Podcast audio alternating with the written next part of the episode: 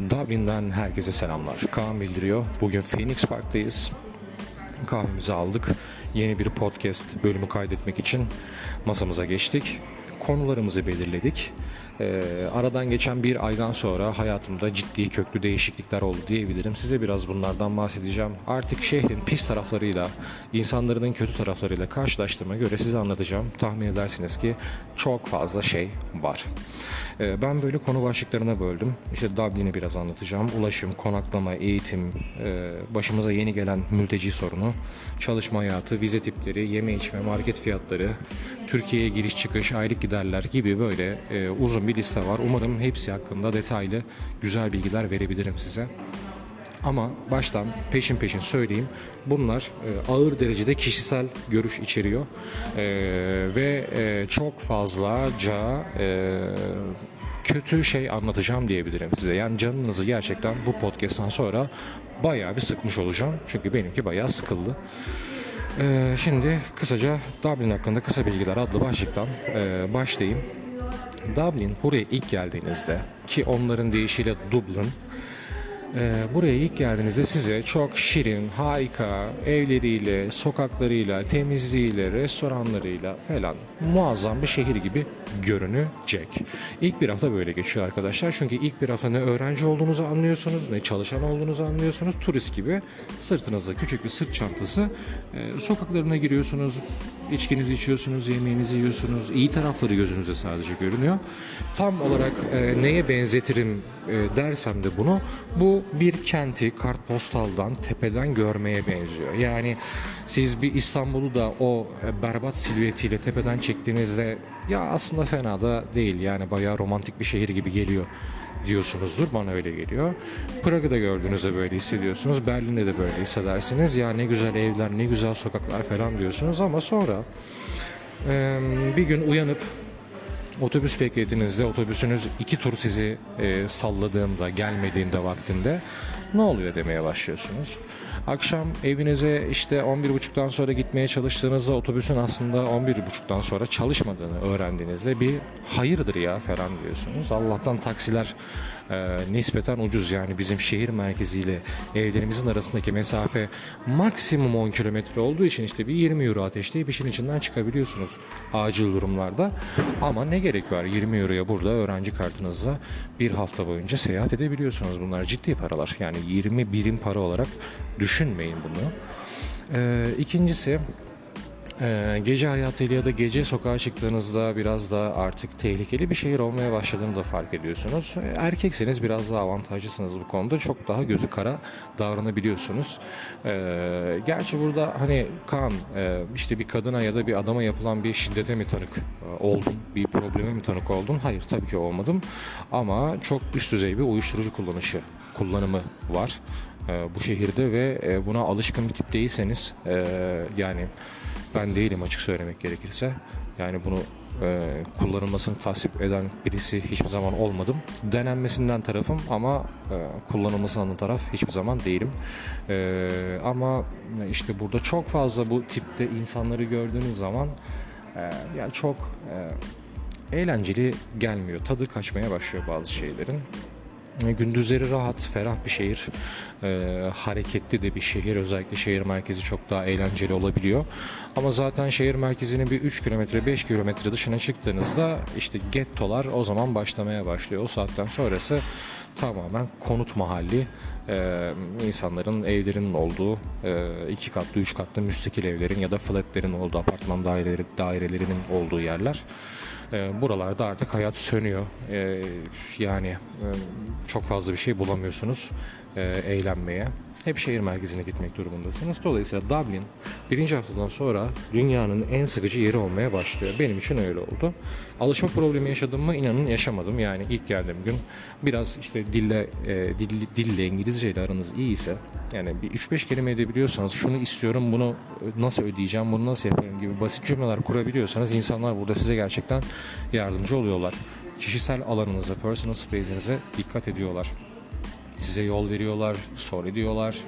böyle garip garip o kadar kötü şeylerinin yanında bir yılında e, birey olmayla, e, hümanizmle alakalı e, kazandıkları çok büyük tecrübeler var ve bunu e, gözünüzde şahit olabiliyorsunuz bunlara. E, başka ne anlatabilirim? Ee, ulaşım e, ulaşım biraz sıkıntılı arkadaşlar. Ee, ben benim ilk evim şehir merkezine 10-11 kilometre mesafede Dublin 13 denilen bir yerdeydi. Ben ilk gittiğimde 40 dakika gittim, 50 dakika geldim. Biraz da trafik var haliyle. Dedim ki herhalde çok şehir dışında bir yerde oturuyorum ben. Google Map'ten baktığımda ya 10 kilometre hani normal şartlarda İstanbul'da biz o sürelerde trekking yapıyoruz. Hiking yapıyoruz. 2 saat yürüyüşe çıkıyoruz. Bizim için yürüme mesafesi olan yerler burada 40 dakika 50 dakika sürüyor. Ee, ve yapılaşmaların olduğu yerler, konutların olduğu yerler genelde oralar. Ee, ilk bindiğim otobüs hattı 15'ti. 15 numaralı hattı 15 sabah kadar devam ediyordu ama birinci aydan sonra taşındığım bu yeni evimde 40 numaralı hattı kullanıyorum ve gece 11.30'da bitiyor. Dolayısıyla gece eskaza ve eğlenmeye kaldıysanız, iki bira içeyim dediyseniz, biraz sohbet edeyim, dolaşayım dediyseniz 11.30'dan sonra evinize ya yürürsünüz ya da taksiye binersiniz. Taksi mevzusuna geldiğimiz zaman da gideceğiniz mesafe kısa olduğu için işte 10 kilometrelik bir yere maksimum 20 euro, 23 euro, hadi olsun 25 euro gibi para ödersiniz. Yani verilmeyecek rakamlar değil ama 20 euroya burada bir hafta boyunca toplu taşıma kullanabiliyorsunuz. 3 tarz toplu taşıması var. Otobüsler tahmin edersiniz ki. Bir de bizim tramvay dediğimiz bunların da LUAS dediği bir sistem var. Ee, üçüncü bir opsiyonda e, tren, DART. E, gördüğüme göre kuzey-güney doğrultusunda hareket ediyor DART. E, burada yönler e, ya şeyden tahmin biliyorsunuzdur Google e, navigasyondan biliyorsunuzdur. Kuzey, güney, doğu, batı e, tarzında ayrılıyor. Kuzey Dublin, güney Dublin, doğu Dublin, batı Dublin gibi. Dolayısıyla buradaki trende kuzey, güney e, tabii ki oturabilirsin kardeşim. Podcast kaydediyorum. Merhaba der misin? Merhaba. Arkadaşlar e, çok sevdiğim bir arkadaşım yanıma geldi yemek yiyecek. E, o bu bahsettiğim Phoenix Park'ta e, ki Phoenix Cafe'de çalışıyor. Dolayısıyla şimdilik kısa bir mola vereyim. Onunla biraz sohbet edeyim. Ondan sonra tekrar kaldığım yerden devam edeceğim. Herkese tekrar selamlar arkadaşlar. Kısa molamızı verdik. İzzet yemek yedi. Sağ olsun gelirken bana da bir e, kahve getirdi. Teşekkür ediyorum eşantiyon niyetine.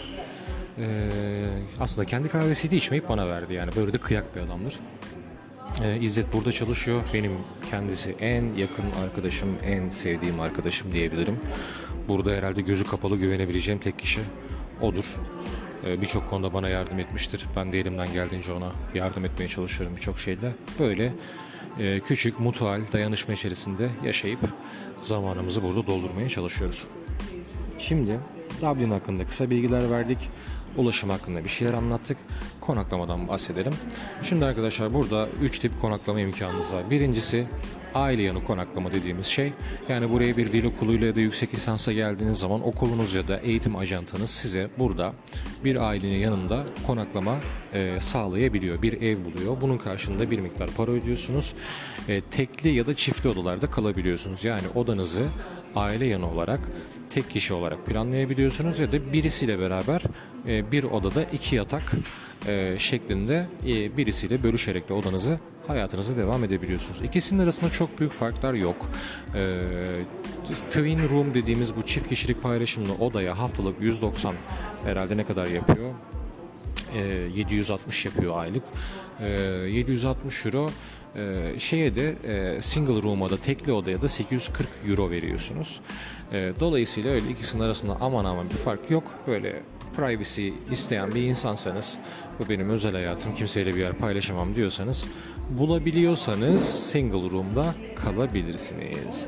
Şimdi bu aile yanı konaklama imkanıydı. Bununla beraber burada sürekli bir öğrenci sirkülasyonu olduğu için e, boşalan öğrencilerin yerlerini e, bu Facebook gruplarından ya da kendi kişisel arkadaş çevrenizden e, girebilirsiniz. Yani o boşalan dairenin yanına siz geçebilirsiniz.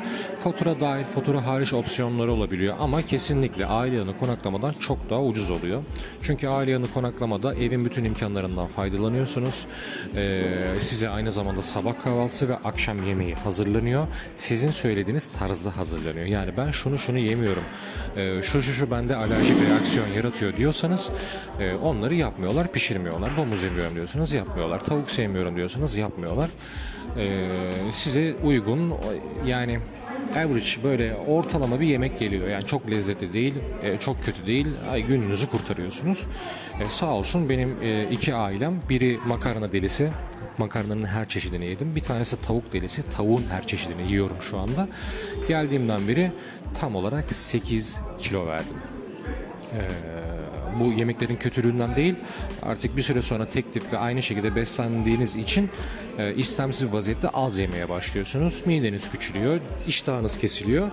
Dolayısıyla daha sağlıklı hale geliyorsunuz. İyi tarafından bakın. Şimdi bu aile yanı konaklamaydı. Ee, bu pair olanları anlatıyordum size. Yani burada bir Brezilyalı bulabilirsiniz, bir e, Meksikalı bulabilirsiniz. Genelde zaten Latin kökenli insanlar hep bir arada yaşıyorlar. Dolayısıyla e, orada boşalan bir oda, e, boşalan bir yatak varsa Facebook grupları üzerinden ya da kendi arkadaş çevrenizden, sınıfınızdan e, burayı bulup çok daha aile yanı konaklamaya nispeten daha ucuz bir fiyata oraya taşınabilirsiniz. E, ortalama 500, 600, 700 de bulabiliyor fiyatlar. Kimilerinde bu odanın içerisinde duş ve tuvalet de olabiliyor. En suite dediğimiz tarzda ya da ortak kullanım alanı olabiliyor bu tuvalet banyo hikayesi. Ee, ya da ee, ya da işte ayrı olabiliyor. Başka ne söyleyebilirim bu noktada? Ee, Üçüncü bir opsiyonda eğer yapabiliyorsanız, burada akredite bir işte çalışıyorsanız, full time çalışma hakkınız varsa, Avrupa Birliği içerisinde bir firmada e, düzgün bordrolu, bordronuzu gösterebileceğiniz, düzgün pay slip gösterebileceğiniz bir işiniz varsa, Avrupa Birliği vatandaşıysanız, minimum bir yıl olmak kaydıyla da eğer yine bulabiliyorsanız ev kiralayabilirsiniz. 3 opsiyon. Aile yanı, paylaşımlı ev paylaşımlı oda ya da kendi başınıza bir ev tutmak. Derseniz ki fiyatlar nasıl? Uçuk arkadaşlar. 2500, 3000, 3500 eurolara kadar çıkabilir. Bu tamamen sizin şansınıza, oturmak istediğiniz bölgeye kalmış. Ee, bu nu yapma ihtimaliniz çok düşük. Sizin düzgün bir geliriniz olmadığı için e, ve çoğunlukla da olmayacağı için umarım bu konuda şanslı olanlarımız çıkacaktır. E, bu tip bir evi size zaten e, kiraya vermeyecekler. İkinci sorun da burada. Üçüncü sorun Dublin'e baktığınızda herhangi bir yerinden 70'lerden ya da 80'lerden kalmış gibi bir hissiyatla karşılaşacaksınız. Yani yeni konut yok arkadaşlar. Cehennemin dibine kadar gitseniz de yeni konut bulma ihtimaliniz çok düşük. Yani böyle binde bir yeni bina vardır, flat tarzı vardır. Belki denk gelirsiniz şansınız yaver giderse. Ee, burada çok büyük bir konaklama problemi var. Yani çok büyükten ne anlıyorsun, ne anlatmaya çalışıyorsun Kaan derseniz ha- hani bulunduğunuz şehirde ev bulamadığınız zaman vardır ya hani ararsınız akrabanız için, kardeşiniz için, kendiniz için. Ha onun bin katını düşünün. Bin katı. O kadar kötü durumda konaklama problemi. Ee, hiçbir şekilde ev bulma ihtimaliniz yok. Ee, ikinci bir problemse eğer problem de eğer aile yanı konaklamayla e, gidiyorsanız burada kalıyorsanız aile sizi istediği an kontratınız da olsa çıkartabiliyor. Sizin tek kelime dahi etme hakkınız yok. Yok benim kontratım varmış. Yok ben onayladım uzat uzatmayı onayladım. Yok ben parasını ödedim. Arkadaşlar böyle laflar hikaye. Size danışmanlık firmanız ee, arkadaşınız artık bu işi kimle çözdüyseniz bilmiyorum buraya nasıl bir e, şeyle geldiniz imkanla geldiniz aracıyla geldiniz ama hiç kimsenin hiç kimseye yardım etmek gibi bir lüksü yok burada. Ancak ne yapar? Sizin elinizde bir kontrat olduğu için sizin taşınmanıza yardımcı olur. Bulabiliyorsa, yine tırnak içinde konuşuyorum, bulabiliyorsa size bir ev bulur. Bulamıyorsa da paranızı iade eder. Yani eğer burada e, yeni geldiyseniz e, başınıza gelebilecek en olası şey evsiz kalmaktır arkadaşlar. Evsiz kaldınız diyelim ya da önümüzdeki hafta pazar günü çıkartılacağınızı öğrendiniz bir haftanız var ne yapabilirsiniz? Geçici olarak arkadaşınıza gidebilirsiniz bir otelde kalabilirsiniz. E, şimdi şunu değerlendirdim öncelikle arkadaşınıza kalırsanız genelde burada arkadaşlarımız 6 kişilik 5 kişilik evlerde kalıyorlar. Öyle ben salonda yatayım deyince yer bulamama ihtimaliniz çok yüksek. Kimse kimse kimseye gel benim evimde kal demez. Bir gece iki gece belki kalırsınız bir yer bulana kadar ama bir hafta on gün bir ay ben geçici olarak ev bulana kadar birinin evini işgal ederim gibi bir düşünceye sakına girmeyin. Bunu açık açık söylüyorum. İkincisi hostellerde kalabilirsiniz. Yani bu interrail öğrencileri geliyor, e, turistler geliyor. Genelde de ucuz olsun diye hostelleri tercih ediyorlar. E, ama hostellerde de e, 6 kişilik, e, 16 kişilik, 26 kişilik odalarda ranza sistemiyle tam e, askeri disiplinle kalırsınız. Eşyalarınız açıkta kalır. Dolabınız olur ama bavulunuzu açıp yerleştiremeyebilirsiniz. Bunun bir garantisi yok. Hosteller gen- yani genel anlamıyla temiz yerler. Öyle hostel deyince rezalet yerler olarak düşünmeyin. Kötüsü de var ama ya şöyle ayda ortalama bir 600-700 lirayı yani eve verdiğiniz parayı oraya ayırdığınızda eli yüzü düzgün bir hostel bulabilirsiniz. Hosteldeki problem de şu long term hostel bulmanız gerekecek. Yani ben bu ay girdim. Önümüzdeki ay bugüne kadar 30 gün, 31 gün burada kalmak istiyorum dediğinizde hostel size şunu söyleyebilir. Ee, kardeşim şu an benim müsaitliğim bir hafta. Ee, sen işte atıyorum pazar günü gir. Ee, bir sonraki cumartesi günü gel. Ee, seni boş olan başka bir odaya kaydırayım diyebilir. Ama long term'e çevirirseniz hangi odadaysanız orada uzun süre kalma hakkına sahip olabilirsiniz. Ama dersiniz ki Kaan e, hostel daha mı ucuz? Yani arkadaşlarımdan bildiğime göre hostelde kalmak çok daha eğlenceli çünkü hep sizin yaş grubunuzda hayatta bir şeyleri tecrübe etmek isteyen insanlar gelmiş oraya. Sürekli bir diyalog, sürekli bir speaking, sürekli bir listening var ve e, biraz da en azından vakit geçirebiliyorsunuz. Vakit daha e, eğlenceli akıyor diyebilirim orası için. Ama para olarak e, bir şey save edemezsiniz, bir şey kurtaramazsınız. Yani ev, eve vereceğiniz, e, paylaşım odaya vereceğiniz parayla, aile yanına vereceğiniz parayla şu an hostele vereceğiniz para hemen hemen aynı kafa kafaya denk gelmiş durumda. Belki 50 euro 100 euro daha ucuzdur ama benim için aynı artık o saatten sonra.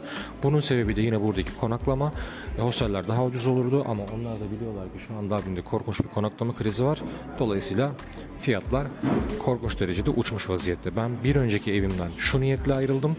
Ee, ayrılmama yani e, konaklamamın birinci ayının bitmesine iki hafta kala ben acenteme konaklamayı uzatmak istiyorum dedim.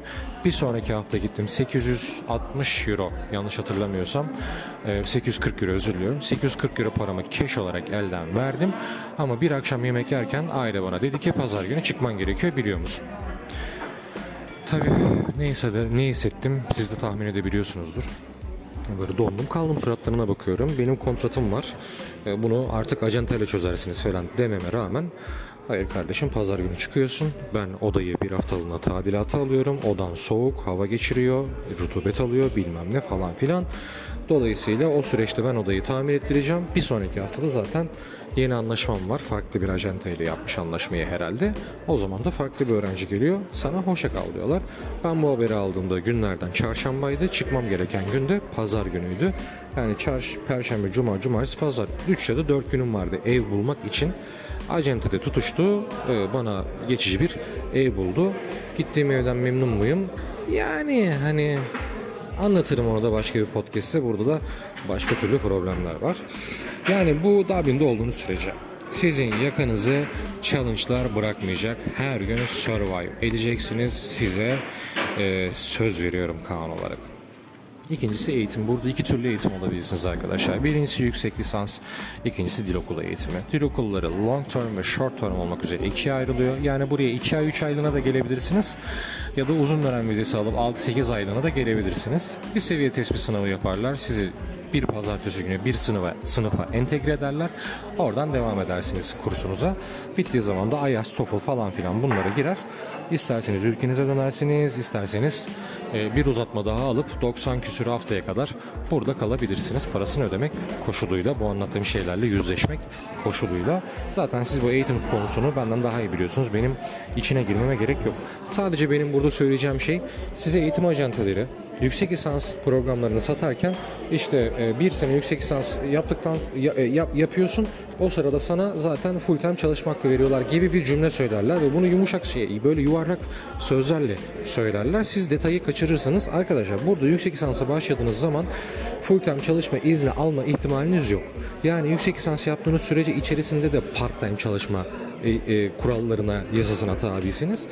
Ancak ve ancak okulunuz biter o zaman sizi 2 senelik full time çalışmaya geçirirler. Yani buraya geldiğinizde bir sene eşek gibi affedersiniz e, part time olarak çalışmak zorundasınız ve en dip işlerde çalışmak zorundasınız. Yani temizlik, yemek, e, Delivero yani taşımacılık bisikletli ya da elektrikli bisikletli Uber, Just Eat aklınıza gelebilecek artık en low level işlerde çalışmak durumundasınız.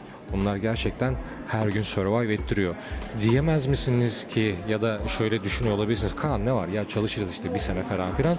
Arkadaşlar Dublin'de her gün yağmur yağıyor. O bisikletin üstünde her gün Delivero yapın bakayım 4 saat geldiğiniz hal ne olacak? Ben bir Uber yapan arkadaşımın ellerini gördüğümde ya sanırsınız Everest'in tepesinde 8 saat ma şey mahsur kalmış gibi bir hissiyat uyandığı için de elleri mosmordu. Yani kıçındaki donuna kadar ıslanmıştı ve bunu her gün yaptığınızı düşünün. Artık bir saatten sonra sıtkınız sıyrılıyor. Yani sabah küfürle uyanıyorsunuz, akşam küfürle yatıyorsunuz. İkincisi ee, bir ikincisi hangi başlığa devam edeyim? Eğitim anlattık. Tamam. Mülteci sorunundan bahsedebiliriz. Mülteci sorunu da başımıza yeni çıktı. Şimdi ben yurt dışına çıkmadan önce şöyle düşünüyordum. Yani gidersem Avustralya'ya giderim ya da kuzey ülkelerinden birine giderim. İşte en kuzey neresi şu an? İrlanda görünüyor. İşte Norveç, İsveç, Danimarka, Finlandiya falan.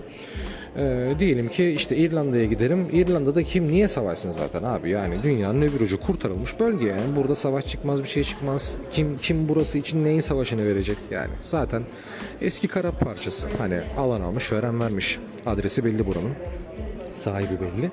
Ama şöyle bir bela çıktı başımıza son zamanlarda. Benim şu podcast'i kaydettiğim bu sıralar hepimiz de tanık oluyoruz. Her gün haberlerde izliyoruz. Rusya-Ukrayna savaşı çıktı ve bizim akıllı ayrışlar Allah razı olsun hepsinden. Yani tek tek alınlarından öpmek istiyorum. Gerçekten çok iyi bir bok yediler. Affedersiniz ama.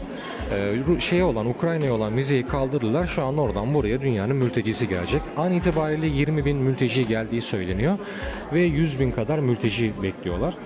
Biz öğrenci başımıza burada konaklayacak yer, çalışacak iş bulamazken 100 bin mülteci buraya geldiğinde burada artık ne yaparız bilmiyorum. Herhalde Walking Dead e, şeyine e, platosuna döner burası diye tahmin ediyorum. E, yani diyecek fazla bir şeyim yok arkadaşlar. Yani böyle tam kurtarılmış bölge. Burası bizim için gerçekten ideal bir alan dediğimiz anda başımıza patlayan e, şeyi, kabağı, belayı çok rahat bir şekilde görebiliyorsunuz. Umarım e, tahmin ettiğimiz kadar kısa e, şey uzun sürmez. Tahmin ettiğimiz kadar eziyetli bir sürece dönüşmez bu. Çünkü dönüşürse e, gerçekten burada bizi büyük sıkıntılı günler bekliyor demektir. Ev, konaklama ve e, şey açısından, çalışma açısından. Çünkü Dublin e, öğrencilere bile e, gerekli minimum imkanı sağlayamıyorken böyle bir mülteci e, akınına kapılarını açması bana gerçekten dünyanın en saçma sapan işi olarak geliyor. Yani orada Avusturya duruyor, Polonya duruyor, Çek Cumhuriyeti duruyor. Yani Ukraynalıların Ukraynalıların nasıl da bir memleket ismiyse gidebileceği burunların dibinde ülke varken İrlanda sana ne oluyor kardeşim? Hani sebebi neydi ki? Neyse çalışma hayatından bahsedeyim arkadaşlar. Bu konuyu kapatalım. Çünkü yeterince canım darlandı zaten bu konu hakkında. Çalışma hayatta şöyle. Ee, kısa bilgiler verebilirim size. Ee, şimdi arkadaşlar Türkiye'de ya da geldiğiniz ülkede her neresiyse e, isterseniz high skilled person olun, isterseniz böyle vasıfsız çalışan olun. Bunun İngilizce karşılığı ne bilmiyorum da. Yani ister mühendis, doktor, mimar olun. İsterseniz de şey olun, e, normal standart, daha vasıfsız, daha alt seviye işlerde çalışan bir insan olun. Günün sonunda İrlanda'ya geldiyseniz sizi bekleyen e, en büyük e, iş potansiyeli restoran ve hizmet sektörü. Yani ya bir şeyin getir götürünü yaparsınız ya bir şeyi hazırlarsınız ya da bir şeyi temizlersiniz. Ee, burada hiçbirimiz tabii ki ben e, iş ayrımı gütmüyorum. Yani benim de yaptığım iş bir Polonya restoranında karşıydı. E, garsonluktu şef asistanlığıydı. Yani bir nevi stafflık diyebilirim. Temizlik de yapıyorsunuz, bulaşık da yapıyorsunuz, yemek hazırlanması gerekiyorsa yemek de hazırlıyorsunuz, hesap da alıyorsunuz, aklınıza gelebilecek alışverişe dahil olmak üzere her şeyi yapıyorsunuz. Her şeyde hakim olmak zorundasınız ama kendi ülkesinde 10 sene mühendislik yapmış ve e, düzgün e, bir geliri düzgün bir e, hayatı olan birisi için böyle bir şeyle karşılaşmak biraz e, alışması zor bir süreç oluyor. Bir iki hafta sonunda zaten benimsiyorsunuz. İnsan böyle her şeyi default e, edebiliyor, varsayılan haline getirebiliyor. Dolayısıyla çok eziyet çekmiyorsunuz ama yani yaptığınız iş her zaman işte 10 yıllık, 5 yıllık e, şeyle böyle e, deneyimlerinizle çelişen işler olduğu için biraz tuhafınıza gidebiliyor. Ama oradan kazandığınız para ortalama saatte 10, 11, 12 eurolar olduğu için çok rahat bir şekilde bir aylık bütün kiranızı ödeyebiliyorsunuz, telefonunuzu ödüyorsunuz, e, üstünüzü başınızın alışverişini yapabiliyorsunuz, market alışverişinizi yapabiliyorsunuz. E, dolayısıyla dışarı çıkabiliyorsunuz. Dolayısıyla o para size çok bereketli geliyor. Bütün işinizi çözebiliyor. Yani burada ortalama ayda sadece 1000 euro kazanacağınız bir iş bile bulsanız kiranızı öder, telefonunuzu öder, market alışverişinizi yapar, e, ulaşım kartınızı doldurur e, ve hayatınıza güvenli bir biçimde devam edebilirsiniz. Fakat şöyle bir problemimiz var bu noktada da. Arkadaşlar burası çok fazla expat dediğimiz başka ülkelerden gel çalışmak için gelen insanlarla dolu. Yani burada girebileceğiniz bir restoran bir Orta Avrupalının ki e, herhalde dünyada en nefret edebileceğiniz cinsten insanlar olabilirler. Yani Rus kırması, e, aynı zamanda Avrupa görmüş e, ve aynı zamanda Avrupalı olmayan ve hiçbir zaman da Avrupalı olamayacak bir e, milletin içinden gelmiş birisinin sizin patronunuz olduğunu düşünün. E, e, muhtemelen ki o da tutunma sürecinde bu İrlanda'da ya da Avrupa'nın herhangi bir ülkesinde bayağı eziyet çekmiş. Bu artık iliğine kemiğine işlemiş ve siz çalışırken aynı eziyeti, aynı yolu size de yaşatıyor. Çok detay vermeyeceğim arkadaşlar. İyi çalışan arkadaşlarım da var, problemsiz çalışan arkadaşlarım da var. Ama işte menajerini şikayet eden arkadaşlarım da var. Benim gibi istifayı basıp ben gidiyorum ne haliniz varsa görün kendiniz yapın diyen insanlara da karşılaşacaksınız ki bende olduğu gibi. Dolayısıyla arkadaşlar İş konusunda da size böyle mutlu pembe tablolar çizemiyorum. Pembe bulutlar gösteremiyorum. Burası da can sıkıcı şeylerle dolu. Ee, düzgün bir yerde çalışmak istiyorsunuz mesela diyelim ki Starbucks'a, diyelim ki Tesco'da, diyelim ki e, Costa'da bunlar işte, işte Tesco Market, Starbucks zaten coffee shop biliyorsunuz. Costa'da Starbucks benzeri başka bir coffee shop burada. Mesela burada çalışmak istiyorsunuz. Çalışmak istediğinizde de size PPS'in var mı diyorlar. PPS dediğimizde Public Personal Service'in kısaltması burada e, kayıtlı, register bir e, şey olduğunuzu, çalışan olduğunuzu gösteren bir kart, bir e, hukuki statü çalışanlar için. PPS'iniz yoksa PPS'inizi alana kadar olan geçen sürede kazandığınız paranın %60'ını devlet vergi olarak keser. Yani ayda 1000 euro kazanıyorsanız elinize 400 euro geçer. Bu PPS'in başvurduktan sonra bununla alakalı başka bir podcast şey yaparım, kaydederim detayları hakkında. PPS'e başvurduktan sonra PPS'in gelmesi bir buçuk ayda olur, iki ayda olur, üç ayda olur. Oradaki Irish'in e, devlet memurunun paşa gönlüne kalmış bir e, olay.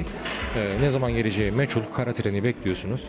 E, geldiğinde de artık bir banka hesabınız varsa o banka hesabına da devlet kesmiş olduğu verginin e, tamamını yatırıyor. Tamamından da %10 kesip yatırıyor. Yani 100 euroda e, 10 euromuz kesiliyor gibi düşünebilirsiniz. %10 kesiliyor sadece. O kesmiş olduğu verginin tamamını neredeyse size ödemiş oluyor. E, başka Vize tipleri buraya işte dil okulu öğrencisi olarak geldiyseniz e, STEM 2 e, dediğimiz, STEM 2 dediğimiz vize tipine sahipsiniz. E, bu vize tipiyle haftada 20 saat legal çalışma hakkına sahipsiniz arkadaşlar. 10 Euro'dan hesaplarsak haftada 200 Euro, ayda 800 Euro. Ama anlaşmalı olduğunuz bazı kurumlarda diyelim ki 30 saat çalışmaya ihtiyacınız, şey, çalışma süresi çıkıyorsa size öyle bir shift hazırlandıysa bazı arkadaşlarım 70 saat bile çalışıyorlar. Ama tabii çıldırmış vaziyetteler. Ortalama 40 saat çalıştığınızı düşünürsek arkadaşlar eğer patronunuzda biraz ee, helal süt emmiş bir adamsa, insansa e, size 20 eurosunu legal olarak geri kalan 20 pardon 20 saatin legal olarak geri kalan 20 saatinde cash olarak elden kayıtlı olmayan vaziyette öder. Yan çizer mi? İsterse de çizer. Sizin de söyleyeceğiniz fazla bir şey kalmaz. Böyle bir şey denk geldik mi? Gelmedik. Gelir miyiz? İhtimaller denizi. Neden gelmeyelim? Yani zaten tesadüfe yaşıyoruz bu hayatta. Vize tipleri hakkında da böyle en azından öğrenci olarak geldiğinizde nasıl çalışabileceğiniz, neyle karşılaşacağınız hakkında bir bilgi verdim. Yeme içme market fiyatları. Hadi kısaca biraz işin eğlencesinden bahsedelim. Arkadaşlar dışarıda yemek yemek pahalı. Yani siz Türk olarak geldiniz, e, getirdiğiniz para, ülkenize kazandığınız para bunu dolara, şey euroya çevirdiniz, dövize çevirdiniz, cebinize koydunuz, atladınız buraya, geldiniz.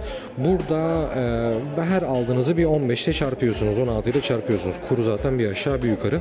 Benden iyi biliyorsunuz. Ee, ama e, burada çalışmaya başladığınız anda getirdiğiniz paraya, cebinizdeki paraya dokunmadığınız için biraz daha özgür hareket edebiliyorsunuz. Yani haftalık ya da iki haftalık maaşınızı aldığınızı cebinize şöyle bir 500-600 euro. Ya gideyim bir ayakkabı alayım, bir üst baş alayım dediğinizde öyle işte 50 euroya ayakkabı bulabiliyorsunuz. 3 euroya hamburger bulabiliyorsunuz. 5 euroya bira içiyorsunuz. Yani birim maliyet açısından kazandığınız parayla alım gücünüz çok yüksek. Ama eee bu yapmış olduğunuz alışverişe dışarıdan yemeyeyim de evden yiyeyim derseniz iki günde dışarıda harcayacağınız, üç günde dışarı, dışarıda harcayacağınız parayla net olarak söylüyorum 10 günlük sabah kahvaltısı e, masrafınızı çıkarırsınız. Yani öbür türlü o parayı 3 günde dışarıda harcayabilirsiniz. Bu tamamen sizin tercihinize kalmış. Kısaca bahsetmem gereken şey buradaki marketler gerçekten euro kazanıyorsanız sizin için çok ucuz çok ucuz tahmin edebileceğinizden istediğiniz kadar protein alabilirsiniz, istediğiniz kadar kaliteli beslenebilirsiniz, istediğiniz kuru yemiş yiyebilirsiniz. Hani lüks olarak gördüğünüz canınızı sıkabilecek e, ne varsa burada çok rahat bir şekilde elinizi uzattığınız yerde bunu alma şansına sahipsiniz. Son olarak Türkiye'ye giriş çıkış probleminden bahsedeyim arkadaşlar. Buraya geldiğinizde birincisi size bir 3 aylık vize veriyor İrlanda hükümeti. 3 aylık vizenizi aldıktan sonra İrlanda'ya giriş yapıyorsunuz ve GN, GNIB denilen e, vize uzatma işlemine başvurmak zorundasınız. Eğer uzun kalmak istiyorsanız, uzun dönem e, dil okulu aldıysanız, e, uzun dönemli bir okulunuz varsa, yüksek lisansınız varsa. Buna başvurduğunuz anda da e, önce size bir randevu veriyorlar. Başvurduğunuz andan itibaren minimum bir ay sonrasına ya da bir buçuk ay sonrasına e, sonra gidiyorsunuz 300 euro elden bir para veriyorsunuz. Yani ya kredi kartından ödüyorsunuz ya e, banka hesabına yatırıyorsunuz. GNIB ofisinin size bir payslip veriyor. Onunla gidip bankadan ödüyorsunuz paranızı. Sonra size e, vize uzatmanızı yaptığınıza dair bir bizim ehliyet benzeri bu proximity kartlardan bir kart gönderiyorlar. O kartta da artık burada uzun süreli oturum hakkına yani 8 ay 8 aya sahip olduğunuzu gösteren bir kartınız olmuş oluyor. Bununla Türkiye'ye rahat bir şekilde giriş çıkış yapabiliyorsunuz. Bununla harç pulu ödemiyorsunuz. Pul harcı ödemiyorsunuz. Ee, bu kartı gösterdiğiniz zaman pıt pıt girip çıkabiliyorsunuz. Bununla birlikte GNIB almadığınız takdirde yani vize uzatmanızı yapmadığınız takdirde benim 3 aylık vizem var nasılsa ben hadi bir de sıkıldım bir ailemi göreyim deyip 2 ay sonra kalkıp gidemezsiniz arkadaşlar. Türkiye'ye dönersiniz de geri İrlanda'ya giremezsiniz. Bu GNIB'yi eşek gibi SS kuralına göre almanız lazım. Cebinizde olması gerekiyor. Şu an ben de mesela ayın 3'ü için uçak bileti aldım. Türkiye'ye döneceğim. Biliyorsunuz birkaç tedavim var. Onları halledeceğim. Ondan sonra tekrar buraya geleceğim bir hafta içerisinde. Ee, ben de işte yarın, bugün olmuş değil mi? Yarın 16'sı 2.30'da GNI bir randevum var. Gideceğim, parasını ödeyeceğim, başvurumu yapacağım. Bir hafta kartımı bekleyeceğim. Kartım gelecek cebime koyup ülkeme gideceğim. Yoksa çıkıp geri giremem. İkincisi Türk Hava Yolları'ndan uçak bileti almak aptallığına düşmeyin. Ben buraya ilk gelirken uçak biletimi Türk Hava Yolları'ndan aldım. Her aptal Türk gibi. Ee, bundan gocunmuyorum söylemekten ve 3800 lira gibi bir para ödedim. Yaklaşık 200-220 euro mu ediyor? Ne yapıyor işte o civarlarda. Belki daha pahalıydı. Ee, ama e, Ryanair kullanırsanız Dublin'den Dalaman'a uçarsınız ve yaklaşık olarak maksimum 50 euro para ödersiniz buna. Sonra Dalaman'dan Sabiha'ya uçarsınız İstanbul'a ya da işte nereye gidecekseniz. Totalde iki gidiş, iki dönüş uçak bileti alırsanız ödeyeceğiniz para maksimum 120-130 euroları bulur. Ee, hani İstanbul içi ulaşım falan filana dahil ettiğimiz zaman maksimum 130 euroyu bulur ama bu bu uçak biletlerini Türk Hava Yolları'ndan öder alırsanız 440 euro ödersiniz. Totalde 290-300 euro gibi para save edersiniz. Bu da ortalama şu anki kurla 4800 liraya falan tekabül eder. Ee, Türk vatandaşı olarak kendi uçağınızı kullanmayın. Lütfen bırakın gavur kazansın tırnak içinde söylüyorum. Bırakın başkaları kazansın. Bırakın e, kendi açtıkları çukurda debelenip dursunlar. Ryanair kullanın. Ryanair candır. Artık konuşmaktan dilim tutuldu gerçekten arkadaşlar. Velhasılı e, böyle let cut to the chase dersek e, sonuç olarak çok konuştum ya 35 dakika olmuş. İrlanda her gün sizi sınıyor arkadaşlar. Ulaşımıyla, konaklamasıyla, okuluyla. Ee, ha son olarak şöyle bir şeyle de karşılaşıyorsunuz. Bir gün okula geliyorsunuz pazartesi günü. Hocanız diyor ki senin ismin benim listemde yok. Hiçbir fikrim yok. Niye böyle? Gidip okuldaki yönetici şeyle, müdürle konuşur musun? Bir konuşuyorsunuz. Bir bakmayın sizi başka sınıfa almışlar.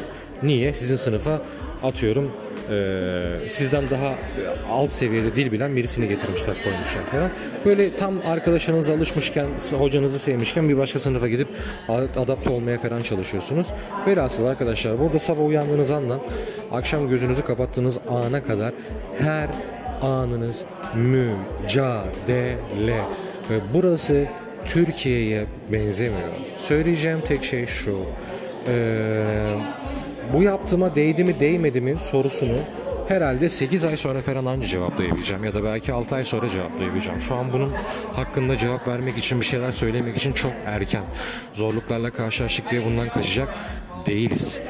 Biz zaten e, hayatımda Türkiye'den gelirken de çok büyük şeyleri riske atarak çok fazla şeyden vazgeçerek geldim. Yakın arkadaşlarım biliyorlar.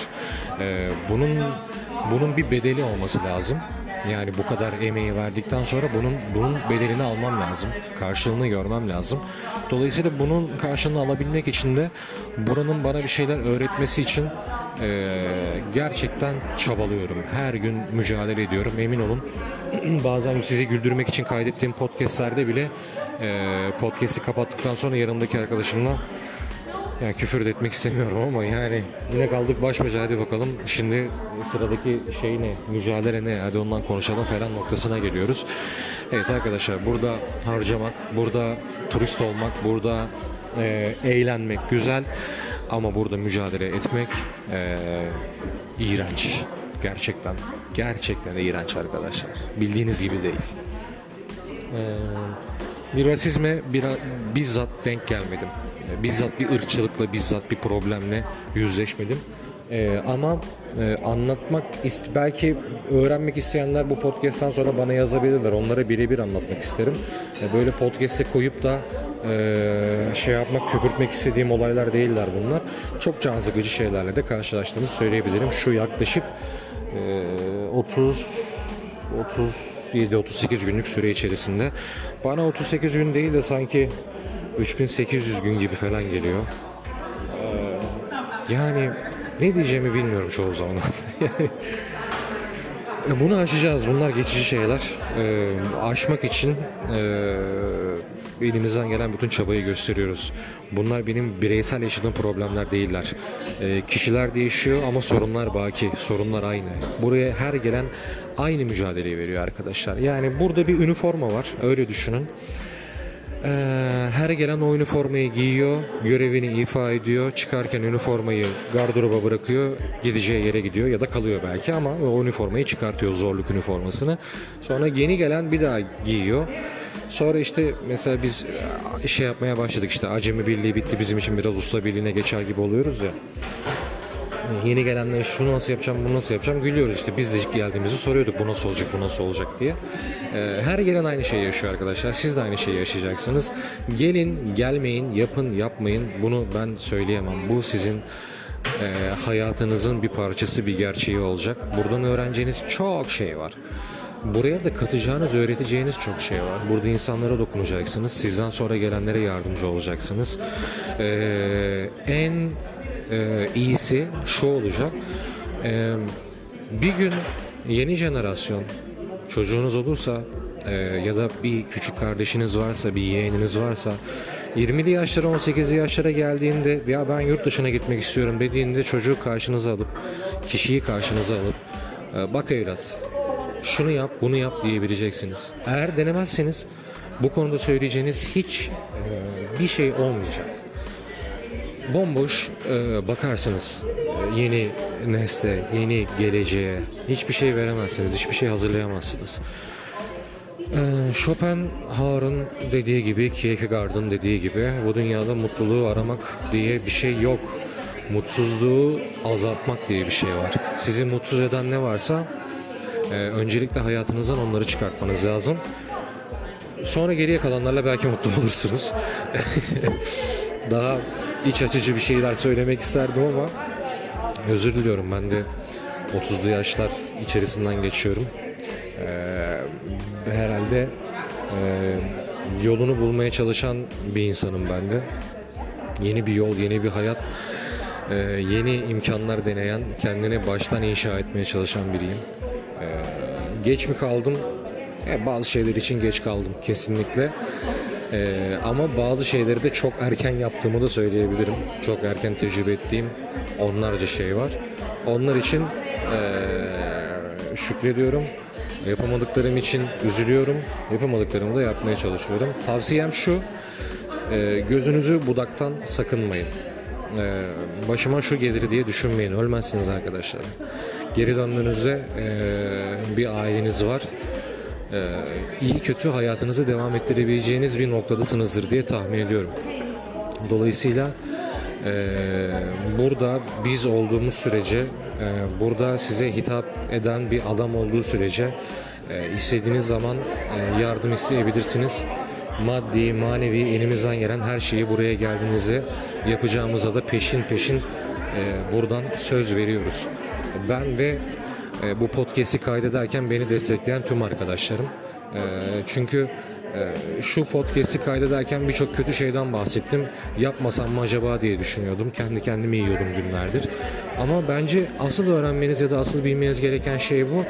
Ama emin olun bu bir takım işi. Bir dili öğrenirken de başkasından öğreneceksiniz.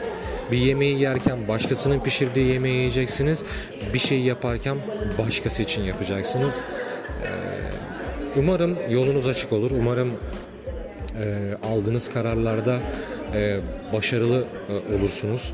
Dediğim gibi biz e, burada olduğumuz sürece e, elimizden gelen bütün imkanı e, sağlamaya hazırız. E, umarım yollarımız kesişir. Umarım sadece böyle e, tek bir yerden monolog tarzında değil de karşılıklı kahve içerek ya da bir şeyler yiyerek ya da dertleşerek vakit geçirebiliriz. Sizi bekliyoruz. Burası da sizi bekliyor. Mücadele sizi bekliyor. Ee, son söyleyeceğim şey de şu. Herhalde e, hayatın en gerçek e, cümlesi de benim için bu olacak. E, şöyle toparlamam daha doğru olur. Kendinizle savaşıyorsunuz, başkasıyla değil. Aramıza hoş geldiniz.